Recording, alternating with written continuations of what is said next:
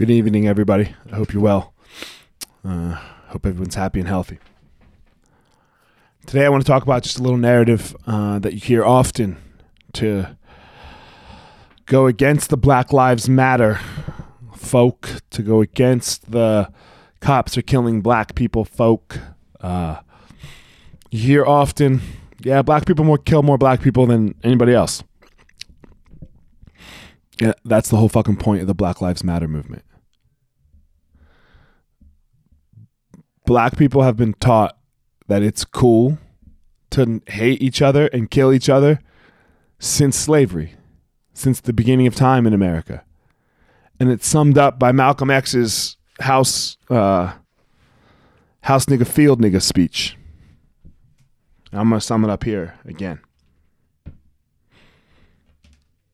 When the house nigga got sick, you know, I'm sorry, when the boss got sick, the plantation owner got sick. Boss, is we sick? Boss, how's our clothes? Boss, how's our dinner? Why? Because he wore the clothes that the master wore. He ate the food that the master ate. If the house was burning down, as boss, our house is. Let's put this fire out because our house is burning down. He lived in the house with the master. The master took pretty good care of him. If there was an uprising by the people in the field, by the slaves in the field, that house slave, that house nigga was not fighting against the boss. He was fighting with the boss. Because he knew that that slave's life didn't matter. If he was going to save his life, he needed to be with the boss.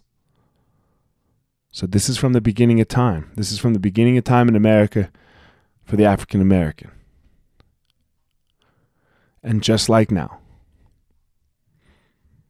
young African American males totally understand that most likely nothing will happen to them criminally when they kill other young African American males. They cannot kill white kids.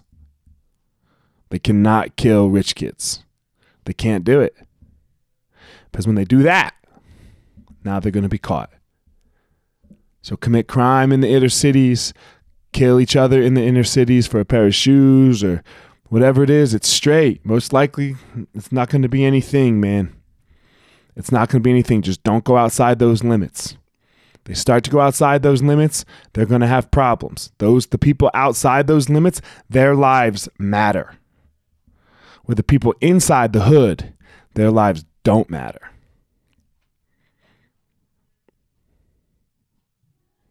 So that's what it is. That's what Black Lives Matter means.